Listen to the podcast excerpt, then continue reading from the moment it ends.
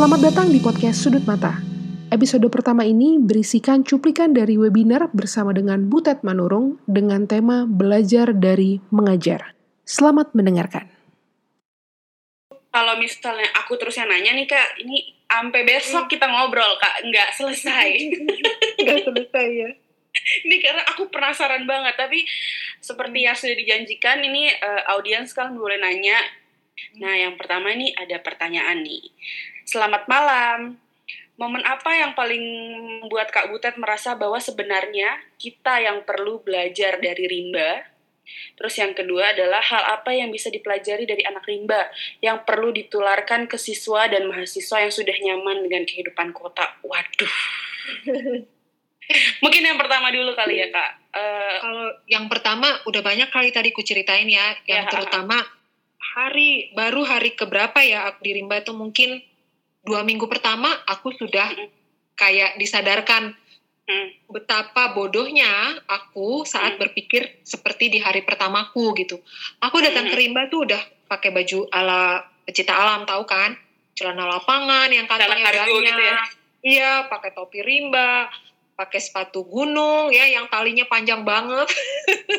Terus ada gaiter lagi biar nggak masuk lumpur. Kebayangkan naik turun sungai, orang rimba tuh turun sungai ya turun turun turun turun baru keluar lagi kecuali yang sungainya gede banget yang airnya besar gitu. Nah, aku harus buka tutup sepatu. Terus eh, apa? Waktu kita dikejar beruang, ya kan? Aku tiap turun sungai, naik sungai kan biasanya pakai sepatu tuh, bolak-balik Oh. lepas sepatu. Nah, ini kalau dikejar kan jadi jebur-jebur-jebur, pas keluar sepatunya ketinggalan. Terus kantongnya jebur, apa po, kantong penuh dengan air, dengan lumpur. Terus apa? Topi aku treng mencreng. Maksudnya pas dikejar nyangkut, iya loh nyangkut nyangkut tuh pohon gini, ini semak-semak nyangkut. Terus mereka tuh ngelihat aku nolongin lagi ngelepasin ranting, cepat ibu nanti beruangnya dekat.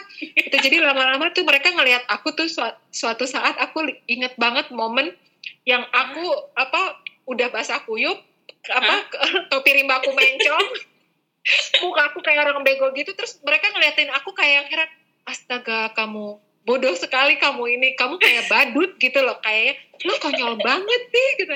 Terus kayak kamu ini bikin susah. Kita jadi susah semua. Terus mereka tuh heran, masa kamu udah segede gini nggak bisa berang jembatan gitu. Masa kamu udah segede gini nggak bisa manjat pohon? Kamu tuh ngapain aja dari kecil kayak gitu. Jadi aku tuh kayak wow, emang aku ini bodoh di sini. Aku belajar bahwa pintar atau bodoh itu tergantung kita berada di mana dan siapa yang mengatakan itu gitu ya. Terus itu hal pertama yang aku pikir, wah banyak nih yang perlu dipelajari dari orang rimba. Ternyata pakaian nggak ada pakaian yang terbaik tergantung juga di mana gitu. Jadi, eh, apa? Ya aku belajar tentang apa yang disebut eh, aku padahal udah belajar ya di antropologi tapi aku sema- itu semakin menguatkan apa yang dalam antropologi itu di- disebut relativisme budaya gitu. Bahwa memang tidak ada budaya yang lebih baik dari budaya yang lain. Setiap Mm-mm. budaya adalah yang terbaik di tempat itu gitu dan setiap masyarakat adat adalah profesor di lokasinya masing-masing gitu. Gak bisa kita eh, pertandingkan mereka, mereka istimewa sebagai dirinya masing-masing gitu.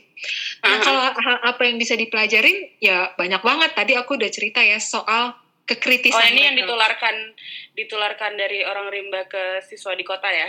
Iya, iya, iya. Uh, lebih ke kekritisan mereka gitu. Kita harus Hmm. belajar. Jadi model masyarakat adat tuh kan belajarnya cuma dari tiga hal ya. Uh, Hmm. playing, observing, sama exploring. Mm-mm. Nah kita di kota tuh belajarnya mentoring gitu. Jadi kita selalu mendewakan siapa yang mengajar kita. Kita tidak menemui penget- menemukan pengetahuan kita sendiri. Padahal pendidikan yang sebenarnya itu seharusnya yang yang yang paling efektif itu anak harus menemui pengetahuannya sendiri. Dan itu biasanya lewat exploring, playing, dan observing ya, lewat riset, riset, riset, riset. Dan untuk bisa melakukan riset yang yang eh, benar, orang tuh harus kritis, harus harus apa eh, questioning, nanya, bertanya, bertanya.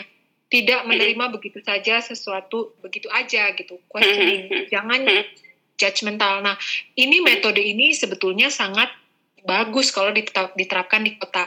Kenapa Hmm. anak-anak kerimba seperti itu? Karena mereka guru utamanya tuh alam, ya.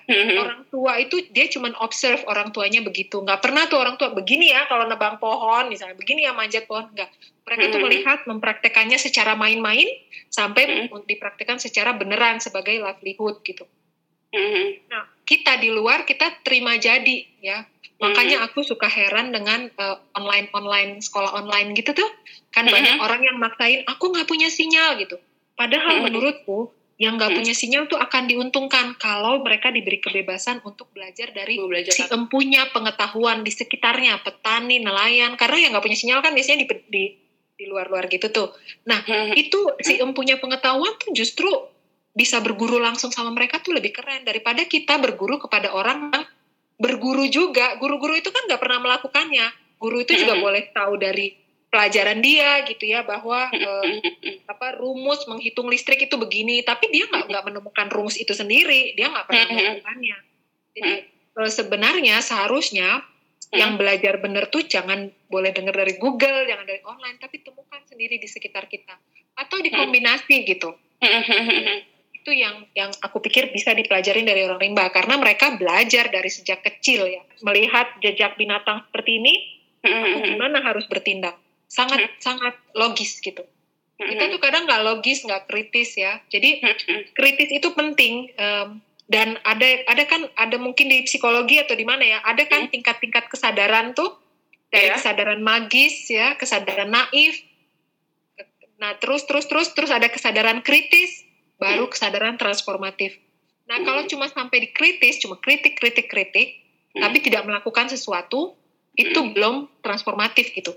Tapi kita, pendidikan formal kita kritis aja enggak. Jadi cenderung ke ke kesadaran uh, yang apa ya namanya di atas naif, tahu nggak? Yang cuma knowing ya kak.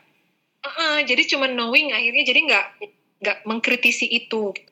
Sehingga kita begitu kerja juga jadi seperti itu. Yang diajarkan itu kan kompetensi, individualis. Jadi kita terbiasa seperti itu. Uh, apa jadi susah untuk um, menerima pendapat berbeda karena semuanya udah terima jadi. Udah disetting begitu. Tapi menarik banget ya playing, observing, and exploring ini wanting to know iya. sih buat itu Profesor Peter Gray uh, namanya yang Hah? melakukan penelitian cara belajar masyarakat uh, peburu pramu terutama.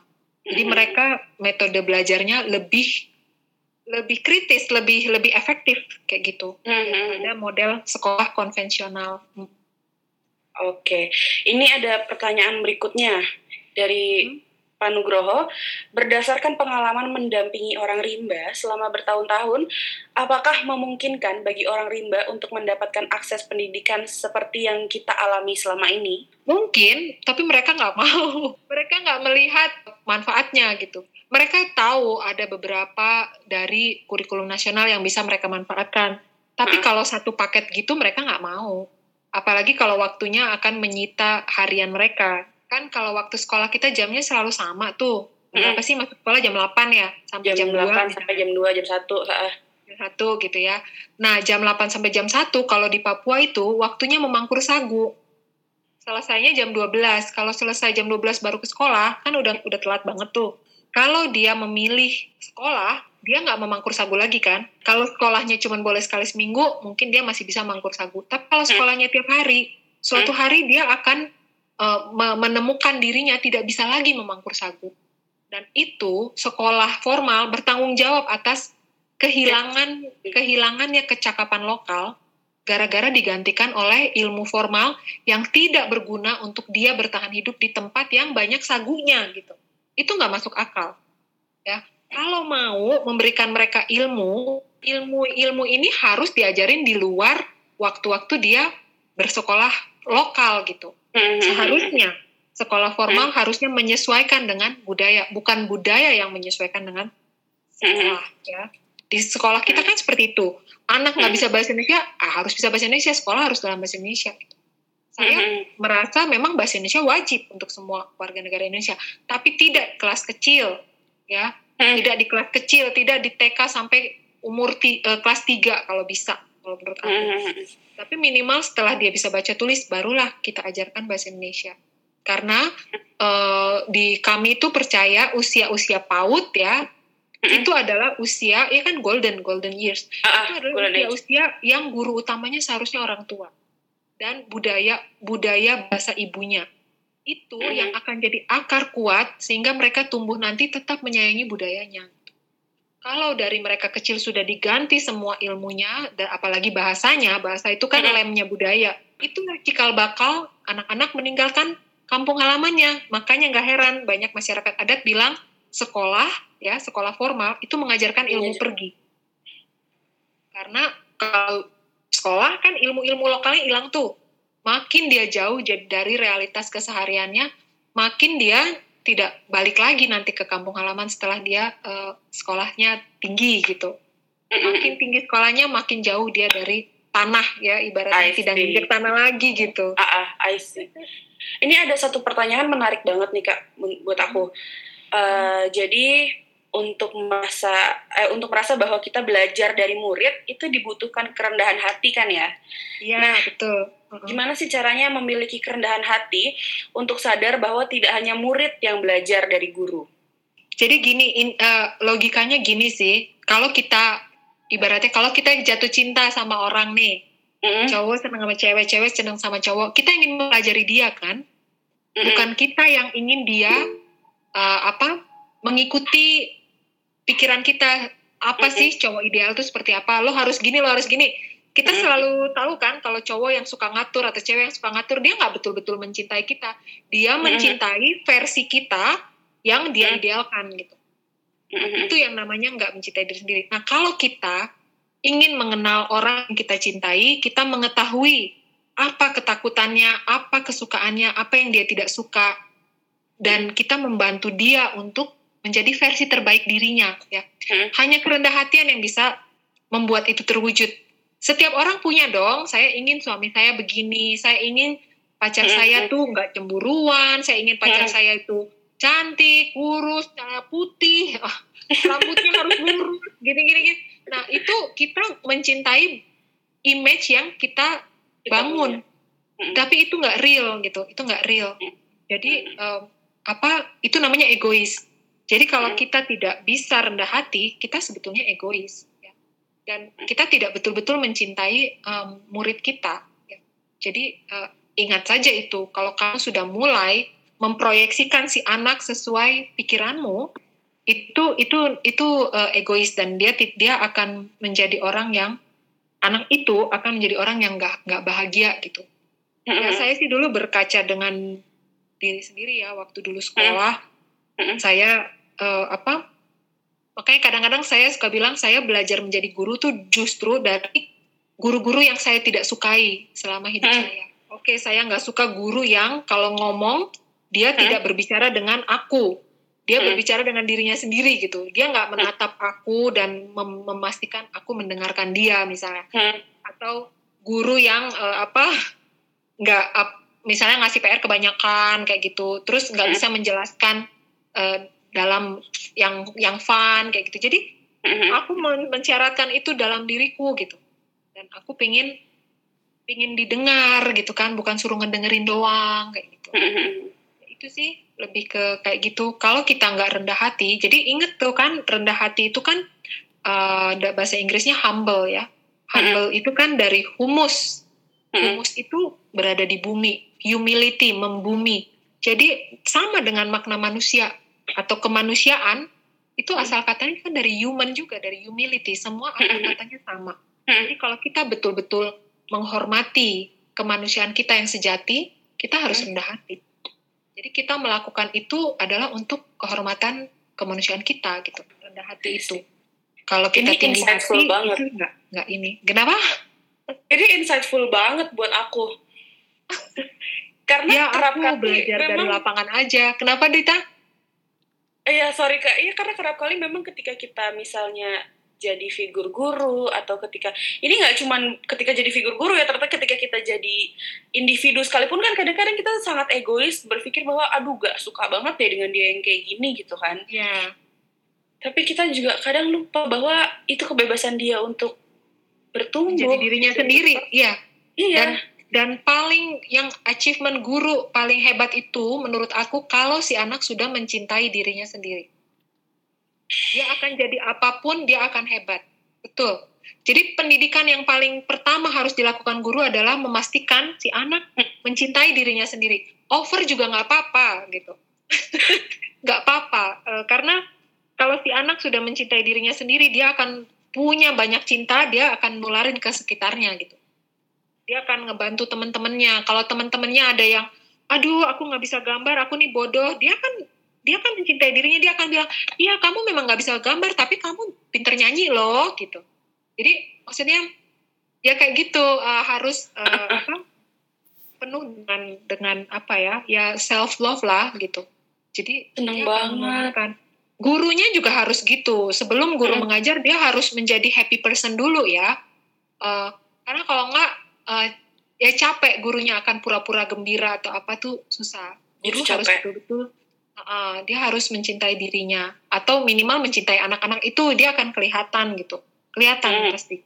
Uh, semua guru-guru aku ya termasuk aku sendiri teman-temanku hmm. juga selalu bilang aku kalau berada di rimba itu hmm. beda auranya langsung beda. Karena memang ya ya itu ininya kita gitu ya. Karena aku melihat diriku di anak-anak itu seneng gitu kayak gitu dulu ibu, uh, aku juga belajar ini sedikit dari ibuku sebenarnya jadi waktu hmm? habis habis tsunami hmm? aku lihat di TV kan tsunami Aceh itu tahun 2004 aku lihat di TV mereka perlu 5000 relawan katanya hmm? aku langsung bilang sama ibuku aku mau ke Aceh mah mau hmm? jadi relawan mamaku langsung nggak boleh kan hmm? terus aku dia masuk ke kamar lima menit kemudian keluar lagi terus dia hmm? bilang mama pikir-pikir uh, kalau semua orang tua kayak mama nggak ada tuh yang ke Aceh katanya kamu pergilah katanya. Jadi perlu 4.999 orang lagi yang seperti mama gitu. Kalau enggak, enggak siapa yang ke Aceh gitu. Jadi dibilang, toh kamu bukannya apa, bukan disuruh, bukan terpaksa, emang suka gitu. Ya udah, maksudnya resiko itu ada di mana-mana gitu lah. I kan see. Kan harus membiarkan orang jadi dirinya sendiri. I see, thank you banget Kak Butet. Ini ada pertanyaan lagi ada tiga lagi pertanyaan. Yang pertama itu dari Mentari. Halo Kak Butet. Ceritanya inspiring banget, cukup menarik terkait uh, pendidikan atau ilmu yang berbeda sesuai dengan tempat atau konteksnya. Berhubung sekolah rimba sudah ada di 16 titik, apakah objektif dan materi pendidikannya berbeda juga atau sama? Ya, berbeda-beda. Uh -uh. Jadi kurikulum itu kita nyusun bareng-bareng sama uh, masyarakatnya ya. Dari dari awal kita mengidentifikasi bareng ya. Apa masalah utama kita sehingga uh, bisa bisa kita breakdown jadi kurikulum. Jadi misalnya sekolah kita di di di Rimba kan udah tahu tadi masalahnya lebih dengan deforestasi. Terus kemudian ada kebijakan taman nasional yang mau dirubah sama mereka supaya berpihak kepada adat mereka. Di Flores misalnya, masalah utama Flores waktu itu adalah banyak terumbu karang hancur karena bom ikan.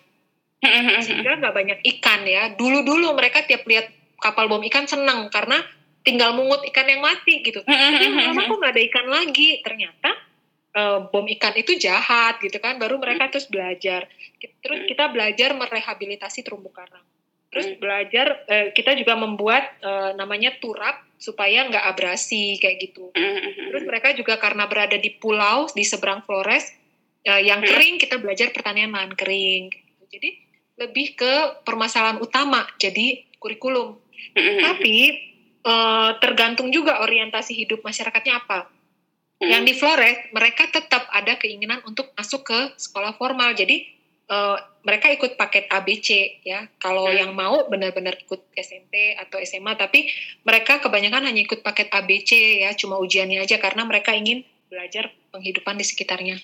Yang di Asmat misalnya tanahnya sering dibeli sama orang luar karena hmm? mereka hmm? di tengah hutan yang tiba-tiba jadi pelabuhan besar. Jadi mereka belajar untuk mengenal uang waktu itu. Mereka nggak bisa hmm. uang ya. Taunya tuh kebanyak uang paling banyak tuh cuma sejuta. Jadi kalau ada orang mau beli mereka tanahnya semiliar, mereka udah bingung gitu. Semiliar dibilang sekantong itu semiliar ya percaya aja belajar menghitung, belajar risiko kalau kehilangan tanah tuh apa, belajar mem mempertahankannya, hukum-hukumnya gitu. Jadi beda-beda.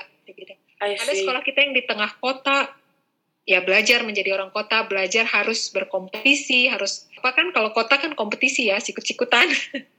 harus harus uh, apa jadi buruh-buruh di kota gimana kayak gitu karena mereka tadinya nelayan tiba-tiba menjadi orang kota gitu karena aksesnya ke ke rimba eh ke ke laut tertutup macam-macam Oh, yang di Jember karena petani kopi kita arahkan ke kopi. uh, pembudidayaan kopi kayak gitu I see.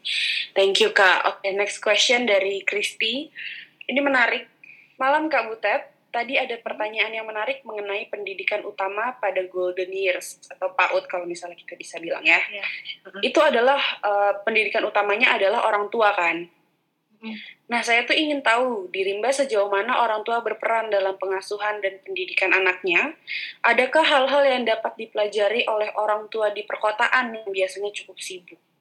Jadi kalau di di sekolah kami tuh dari dulu kita nggak setuju PAUD masuk ke masyarakat adat ya. PAUD itu mungkin cocok dengan orang kota karena Mm-mm. eh, pola pengasuhannya orang kota memang sudah diambil alih oleh sekolah ya. Dan budaya budaya tidak lagi kental. Tapi di- pada masyarakat adat itu sudah ada eh, model-model pengajaran untuk anak-anak motorik skill kan motorik skill sama soft sama gross motorik skill itu. Itu di Rimba udah ada gitu. Kita pernah loh di Rimba dapat sumbangan dari dari apa satu dinas pemerintah lah gitu ya. Itu Hmm. ayunan sama prosotan. Itu orang Rimba bingung ini benda apa gitu. Jangan kan Hmm. prosotan kan cuma 2 meter ya. Mereka udah Ya. prosotan dari yang 20 meter gitu. Jadi eh, apa diketawain terus mereka bingung ini apa Mm. pelatihan-pelatihan budaya secara Hmm. budaya itu Hmm. sudah diajarkan oleh orang tua karena sesuai dengan tuntutan alam sekitar. Yang nggak mungkin supaya menjadi pemanjat pohon madu yang Hmm. ulung Mm-mm. belajarnya manjat prosotan nggak mungkin kan nggak nggak cukup gitu. Jadi ada yang dalam hal tertentu dituntut lebih tinggi gitu. Tapi di kota mungkin PAUD sudah belajar pegang pensil ya. Sementara Ah. di Rimba umur usia-usia PAUD tuh pegang parang gitu.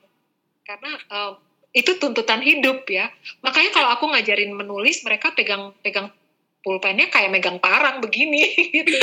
ya karena kan biasanya megang parang. Jadi aku pikir waduh kalau megangnya gini nulis ke- kecil susah. Oke, kita pakai ranting aja dulu di tanah gitu atau pakai arang di di apa di pohon gitu. Jadi lama-lama lebih kecil lebih kecil ya. Yang penting Ah, ah, tahu huruf dulu kan esensinya kan bisa baca tulis bukan harus Mm-hmm. di atas kertas gitu. Pokoknya ya kitanya yang harus nyesuaiin. Terus apalagi ya di Rimba itu punya adat eh, anak di bawah sekitar di bawah 3-4 tahun itu Hmm. dianggap masih di jiwanya setengah di bumi setengah di alam dewa. Jadi eh, di di Rimba tuh ada istilahnya ada empat jenis raja ya. Hmm. Raja yang pertama itu anak-anak. Raja di Kebudakko. Eh, raja di Ketakutko, sorry, raja di Ketakutko. Nah, itu tuh, eh, sorry, sorry, salah. Raja di Perajoko. Jadi, anak kecil yang dibikin sebagai raja. Apa pun yang dimauin mereka, itu harus Hmm. diturutin. Dan para dukun itu bisa bertanya ke anak di bawah tiga tahun ya. Bisa Hmm. bertanya sesuatu yang akan terjadi di masa depan gitu. Dan hanya dukun yang mengerti. Nah, itu membuktikan kata mereka, mereka sebetulnya masih setengah dewa, setengah manusia gitu. Jadi eh, pendidikan untuk anak-anak di bawah tiga tahun tuh, wah mereka dirajain banget, disayang betul gitu. ya. Nggak pernah dibilang ah anak kecil nggak. Dan di Rimba itu terbiasa anak kecil punya hak suara yang sama dengan orang dewasa. Jadi kalau ada sidang-sidang adat, anak kecil menyanggah orang tua yang berbicara eh, bersaksi gitu ya. Anak kecil bisa berdiri, bukan gitu bapak, gini gini gini. Wah itu semua orang akan dengerin, semua orang akan dengerin. Oh, Dan Ah. anak kecil yang marah-marahin orang tua itu sering, bukan cuma orang tua yang marahin anak. Kita nggak pernah lihat kan anak marahin orang tua di sini, paling ngedumel. Di Rimba, ya aku sering lihat misalnya anak-anak main ukir-ukir apa kayu jadi mainan apa terus sama orang tuanya nggak sengaja dibakar dikira kayu bakar. Itu anaknya marah-marah orang tuanya nunduk-nunduk maaf ya nak maaf ya nak gitu. Jadi eh, hak anak untuk didengar itu betul-betul terjadi di Rimba. Demokratis Iya ya. Kalau di luar kita selalu menempatkan diri eh, anak itu seperti ya belum belum jadi orang gitu belum belum dewasa ya kalau di Rimba anak kecil itu eh, ya dianggap orang dewasa. Or- orang anak kecil sudah bisa mempertahankan hidup kok di hutan sendirian gitu. Bisa cari makan sendiri. Jadi Uh-uh. anak kecil ya anak kecil uh, di bawah tujuh tahun itu udah sering ngelindungin aku dari gigitan ular segala macam dia tahu gitu. Dia udah bisa baca bintang udah bisa baca jejak. Dan dan itu demokratis itu demokratis banget Keren banget. I see. jadi itu mungkin yang harus ditiru ya Uh, anak itu bukan kertas kosong ya. Mereka punya punya pengalamannya sendiri, punya pengetahuannya sendiri. Mm-mm. Kita bisa kok jelasin apa pun sama anak-anak, climate change atau proses recycle apa, pakai bahasa anak-anak. Buat mereka, mereka kan tidak bisa mengerti kita karena kita tidak menggunakan bahasa anak-anak. kayak gitu. Ya itu um, mereka adalah uh, jiwa orang dewasa juga sama. Oke, itu filosofi yang menarik sih sebagai uh, orang yang bersentuhan langsung dengan anak.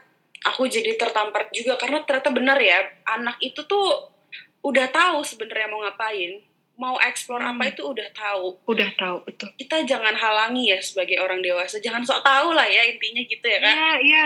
Sama kan kayak sekolah online ini kayak bingung mau ngapain lagi ya kalau mereka sampai nggak online, terus ngapain ya gitu.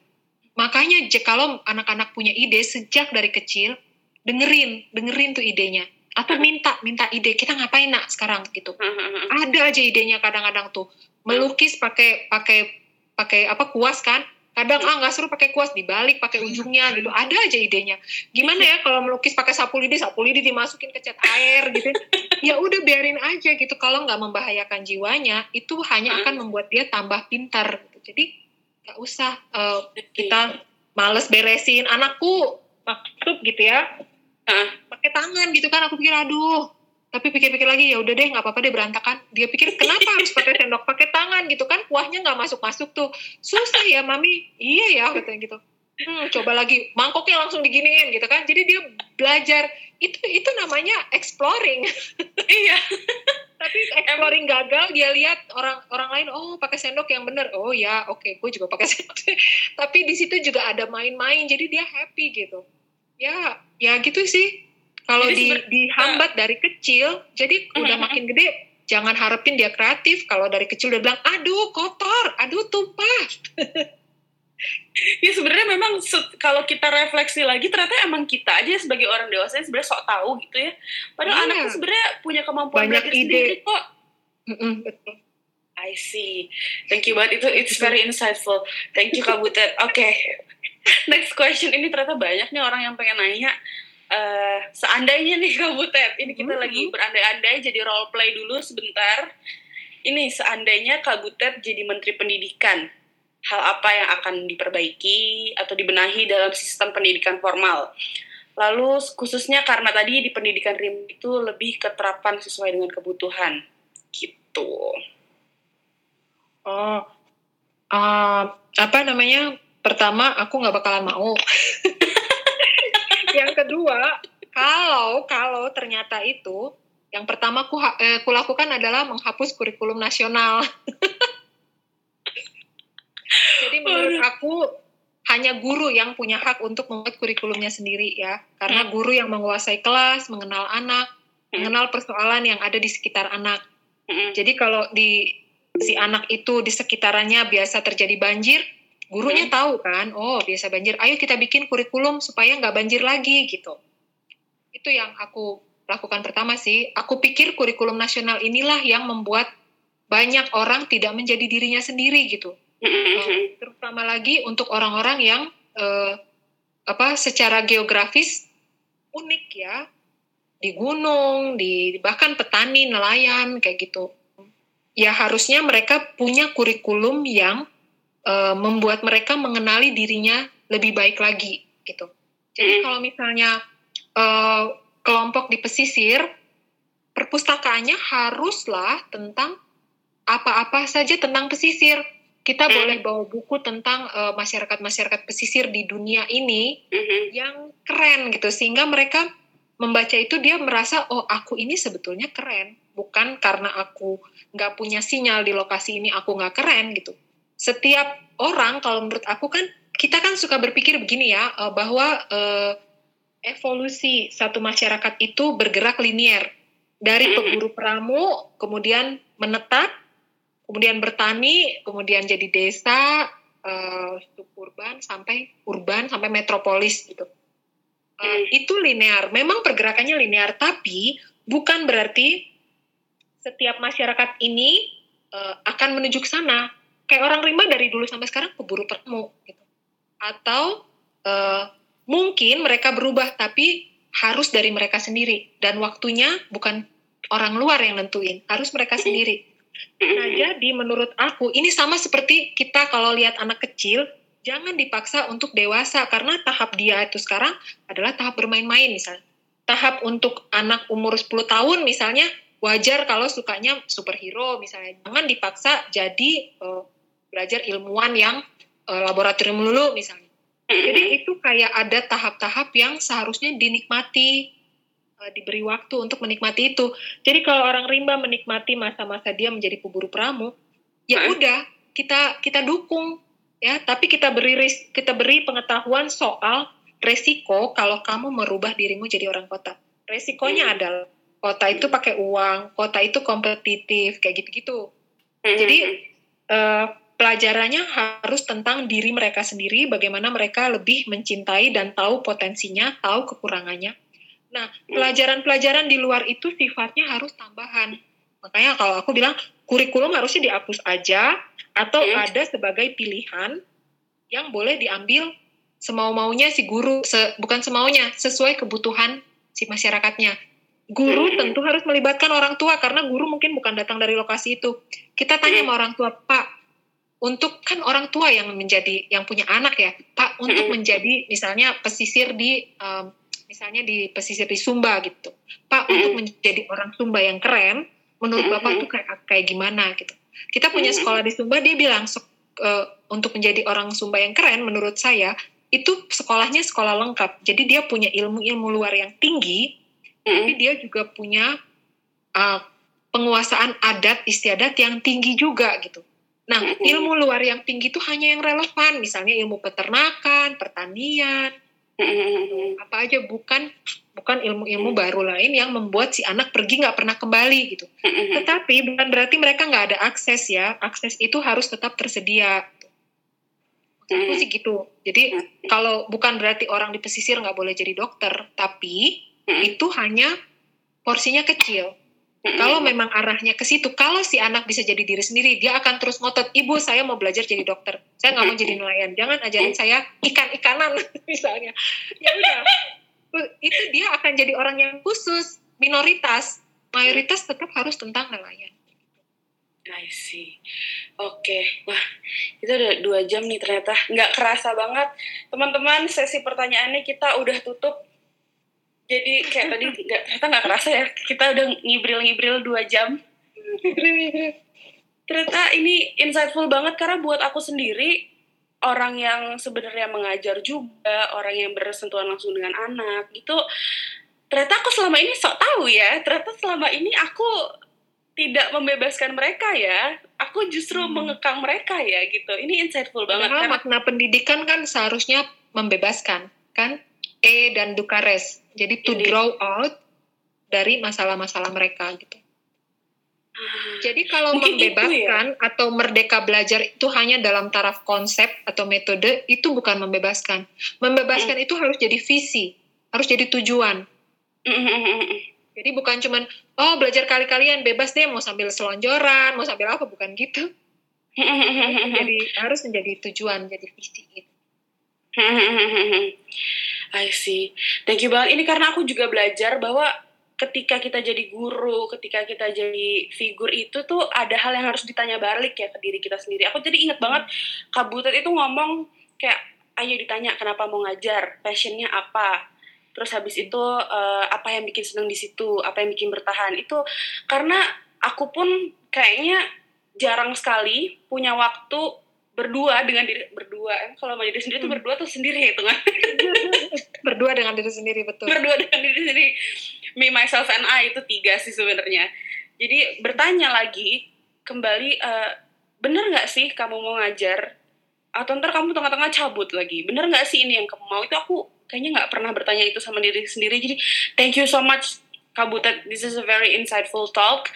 Terus habis itu uh, diingatkan kembali juga bahwa sebagai guru itu harusnya kita yang rendah hati, kita yang belajar dan kita yang mendengarkan dari murid gitu. Bukan yang kita kayak aku guru, aku yang ngajarin kamu itu salah ternyata. Harusnya kita yang rendah hati dan mendengarkan mereka itu sangat wah, oke itu menampar aku sekali sih. Apalagi kalau murid-muridnya kelas kecil, biasanya kita yang guru yang kita ingat tuh guru-guru kelas kecil ya kan? Iya iya. Kan membekas ya. sekali. Hmm. Karena memang kalau anak kecil tuh ternyata memorinya sangat kuat dan ini ya. Iya, katanya kan otak diisi sampai 90% hanya sampai umur 10. Jadi 10 ke atas tuh cuma tinggal 10% lagi, jadi udah terlambat kalau belajar macam-macam. Lebih lambat maksudnya. Oh gitu. Aku baru iya. tahu.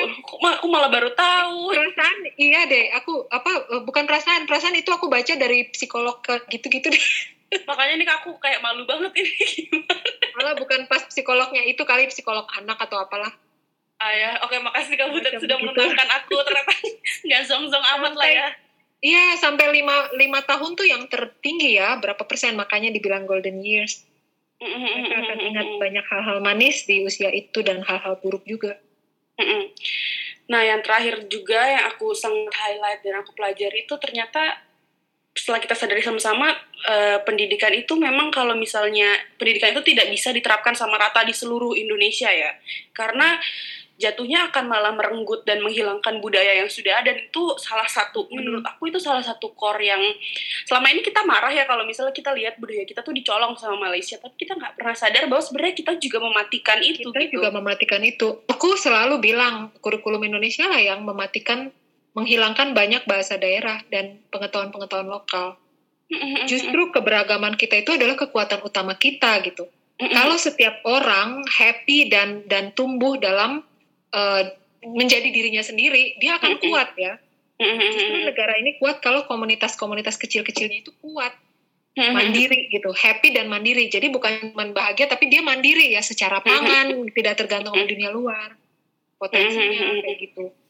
Tapi mm-hmm. kalau kurikulumnya nasional itu kan kayak resep kue, kalau resepnya sama pasti hasilnya sama semua, cetakannya sama semua. Nanti kecakapan kita seragam semua. Padahal eh, kemampuan yang dituntut eh, dengan alam sekitar kita bukan itu. Kalau di sekitar kita banyak kobra, setiap anak di lokasi itu harus tahu bagaimana mengobati kobra. Pasti dulunya tahu karena nenek moyangnya di situ. Tapi pengetahuan uh, kurikulum nasional kurikulum 13 nggak ada tuh pelajaran mengobati gigitan bisa kobra. Makanya di ada lokasi di Mentawai itu jadi banyak anak-anak sekolah nggak tahu lagi mengobati gigitan kobra. Yang tahu dukun-dukun udah tua-tua yang banyak yang meninggal. Padahal itu kan cuma pengetahuan pohon yang mana. itu, itu uh, aku suka nyaranin gitu, libatkan orang-orang di sekitarmu yang punya pengetahuan tentang kesekitaranmu gitu. Apalagi kalau kamu itu guru datang dari antah berantah ya, kalau dari planet lain kan ini harus libatin. Kalau di sekitarmu ada pabrik tempe suruh datang orang pabrik tempenya ceritain gimana bikin tempe. Itu harus ada guru-guru tamu seperti itu untuk mereka mengenal sekitarnya. Apalagi mulok tuh. Mulok jangan yang tentang nostalgia doang ya. Harus yang aktual gitu. Rekaman yang barusan teman-teman dengarkan merupakan hasil dari sesi tanya jawab bersama dengan Butet Manurung. Untuk mengetahui topik-topik lain yang akan dibahas oleh Sudut Mata, silakan follow Instagram Sudut Mata di @sudutmata_id. Sampai bertemu di episode selanjutnya.